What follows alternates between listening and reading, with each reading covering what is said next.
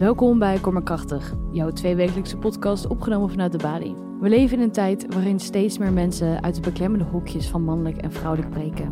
Een lichaamsaccessoire dat altijd meer beweegt met ideeën over mannelijkheid is de baard. Wat vertelt de baard ons over hoe we ons verhouden tot mannelijkheid? Mijn naam is Lynn Deen en eerst ga ik in gesprek met programmamaker Rogaya Sek.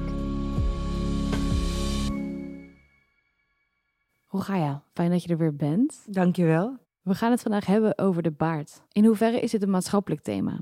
Daar ben ik eigenlijk achter gekomen doordat ik dit programma ging maken samen met uh, Kidon Querido van Frank, naar aanleiding van zijn project Beers of Berlin. Hij vertelde mij dat helemaal niet zo enkel mode is waarom bepaalde baardtrends in zijn, maar dat soms ook heel erg te maken heeft met bepaalde maatschappelijke tijd die er is. Een voorbeeld wat mijzelf wel heel erg aansprak was dat tijdens de AIDS-epidemie mensen heel erg hun baarden af gingen scheren, omdat alles heel erg clean moest zijn en schoon.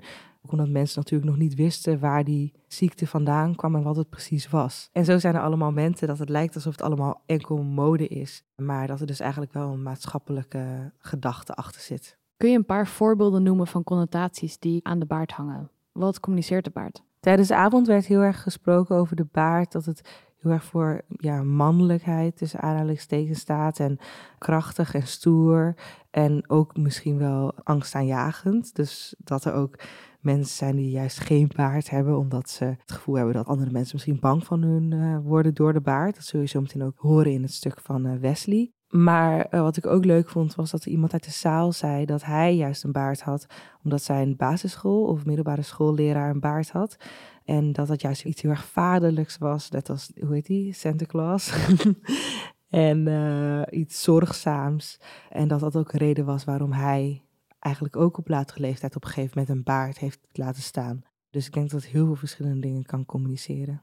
Ja, die verschillen zijn best wel groot eigenlijk. Ja, wat ik ook heel grappig vond, is dat mijn vriend, die was ook naar het programma geweest. En um, die kwam er opeens achter door het stuk van uh, Guido Querido van Frank in Vrij Nederland. Dat de manier hoe hij zijn gezichtshaar draagt, dus hij heeft een snor en hij heeft een ringetje in zijn oor en hij hangt zijn sleutels aan zijn broek. Dat dat ook allemaal een bepaalde stijl is uit de jaren tachtig, die ook weer ergens voor staat. En die ook uit de homo-scene komt. Dus het is heel grappig dat je beïnvloed wordt door iets onbewust en dat je dat helemaal niet door hebt.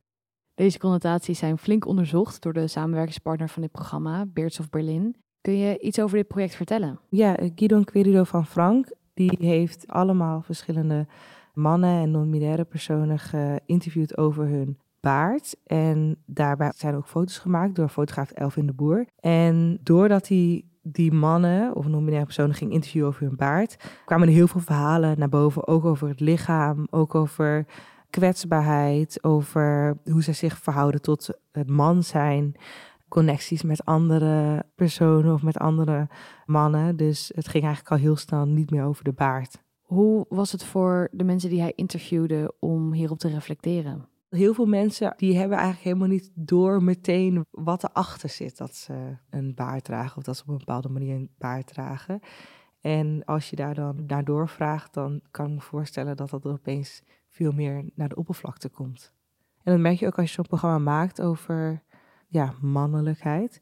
Dan wil je eigenlijk een groot spectrum aan mensen hebben. En dit project focust zich natuurlijk ook heel erg op queer mannen.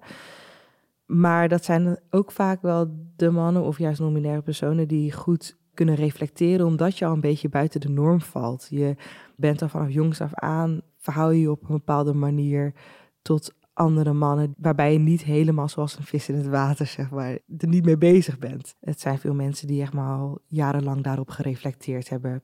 Ben ik eigenlijk een man? Wil ik mezelf een man noemen? En hoe verhoud ik me tot die andere mannen? Terwijl ik het gevoel heb dat vaak hetero mannen, die wat meer de norm zijn, veel moeilijker vinden om te reflecteren op, hun mannelijkheid. Dankjewel, Rogaia. We gaan nu luisteren naar de twee persoonlijke verhalen van baarddragers. Eerst naar docent Wesley Velina en vervolgens naar haarstylist Dover Cross.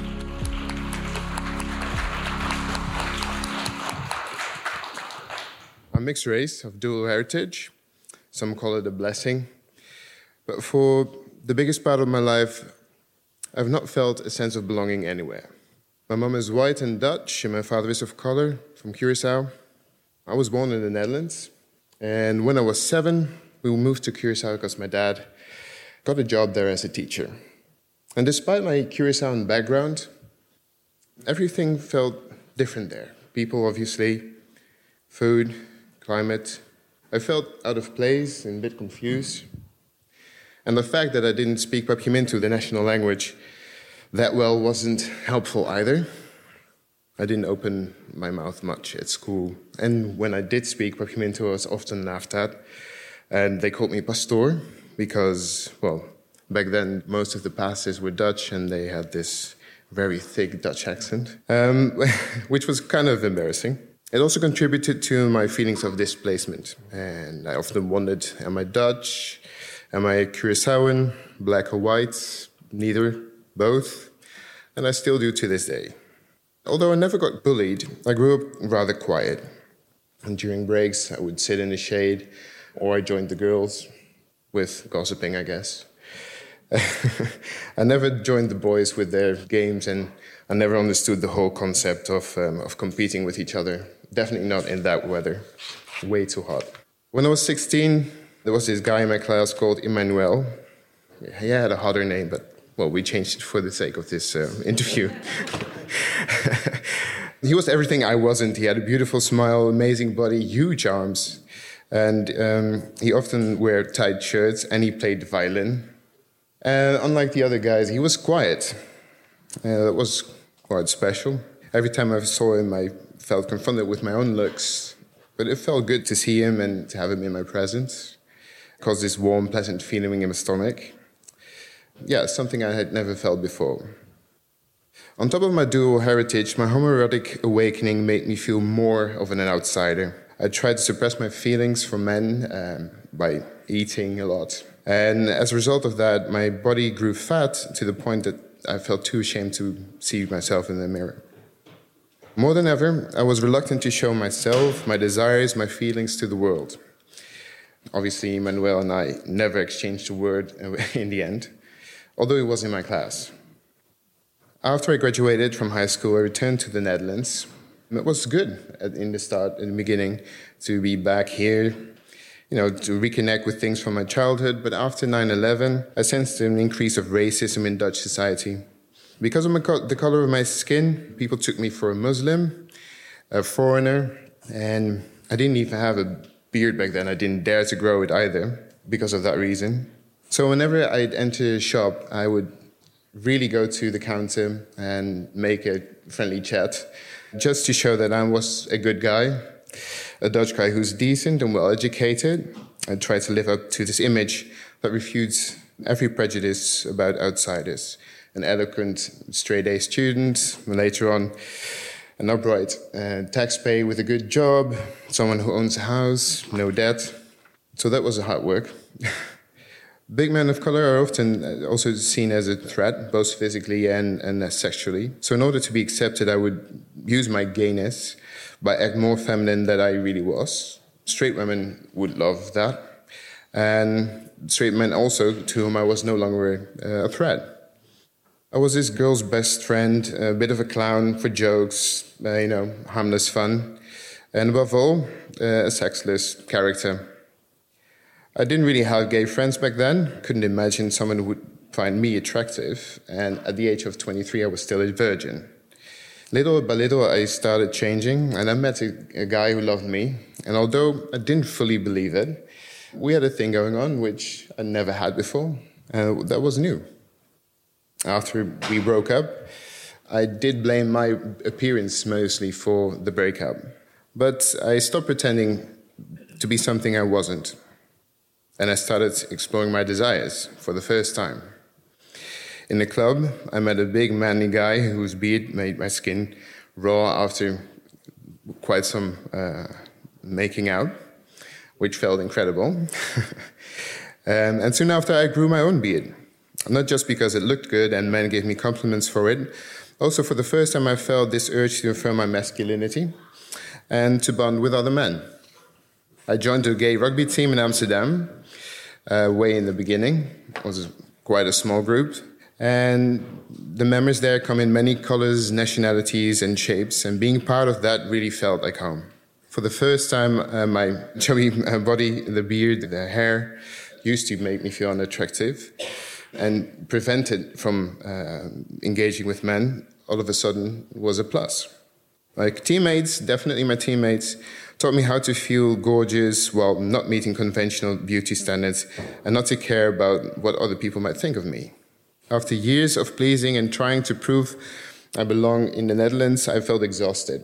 Therapy taught me that what I was trying to do was actually impossible. The essence of my problem was not whether or not people would accept me, but my own toxic thoughts. Deep down, my feeling of displacement and exclusion were the result of my own sense of inferiority. My beard means a lot to me. It's not just a fashion statement. Like I said, I didn't dare to grow a beard in the beginning, and now I do. I love it. Um, I use this afro comb to style it, the one with a little fist on the end. um, and um, yeah, I take care of it solely for myself. And over the past year, I've learned to value the person I am and to feel at home in my body and amidst my loved ones. I love my husband, my family, my friends, and I love my life. I do realize I never fully belong here. I know acceptance in a Dutch society is conditional, and it can be taken away from me at any given moment. I won't let it get that far. I speak six languages, I have a passport, I'm strong, and if shit hits the fan, we're out of here. Thank you. When I was a kid, I would take my uncle's international male clothing catalogs and redraw the models with my face, or the face I wished, hoped, and dreamed that I would have. Always a beard, a thick mustache, and lots of chest hair. I think I did pretty good, huh? Uh, kind of like my dad. As I got older, I protested wearing dresses and skirts and preferred suits, ties, and skater clothes instead. Even before transitioning and starting testosterone, I had facial hair, some sideburns, a little mustache, kind of peach fuzz. It's the perks of being a mixed race Russian, Polish, Jew, and Egyptian, I guess. That helped when I was a young lesbian, a butch, or at least that's what I was attempting to be. Defining butch is complicated and subjective, but for me, butch mirrors and subverts the expected gender norms of a mainstream society. It encompasses not only clothing, but an attitude powerful, tough, and chivalrous, soft and gentle, but also a little hard. At 22, I started doing drag and created a character called Donatella Lesbiana, the dawn of the lesbian mafia. I bound my 36 double D breasts, pompadoured my afro. Yes, I did have hair at one point. Glued bits of my own hair to my face to create the illusion of a beard. With an attitude and a swagger of a New York City gangster and a heart of gold. How you doing? Don allowed me to explore, play around with a different form of masculinity, and helped me find myself. I identify with certain male images and roles, many of which derive from gay subcultures of the 1970s, like leather daddies, bears, of Finland style, the exaggerated, stylized archetypes of masculinity. After starting hormones and having top surgery, I started to look more like what society reads as male. But I never saw myself as a cis man, and I never intentionally wanted to pass. After all, I was part of the dyke slash lesbian community for 25 years of my life. I owed it to generations of butch people that fought, were thrown out of spaces, brutalized, and killed. They are why I exist, and that can't be erased. It's in my DNA. Even though I've never felt like a woman and moved through the world looking like I do, covered in fur with this giant beard appearing male, that doesn't mean I identify as a man either. I don't want to be associated with toxic masculinity, problematic behavior, patriarchy, and misogyny. I find the male female dichotomy too heteronormative, too limiting, too narrow. I believe there is a spectrum, an expansiveness, space where I can play. Gender and masculinity are performative anyway. As a hairstylist, I provide a safe space for people of all genders to figure that out. I give people their first gender affirming haircut, regardless of where they are on their journey. Hair is a way to express emotions. It's a powerful marker of energy and identity. I'm so honored and privileged to be present for that. Playing with gender and masculinity, I challenge and straddle a myriad of worlds. I exist covertly at times, blending in, which I find problematic because when you blend in, you disappear. I love my beard, and I am a proud trans masculine person, a forever dyke in my heart, and sometimes my taste in music. This may be confusing for people, but I'm the only one who can decide my identity. People need to know there are other ways of existing in the world, and there must be space for that. Thank you.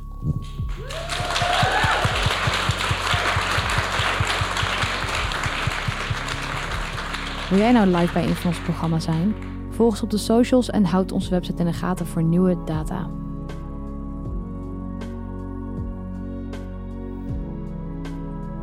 Tot de volgende.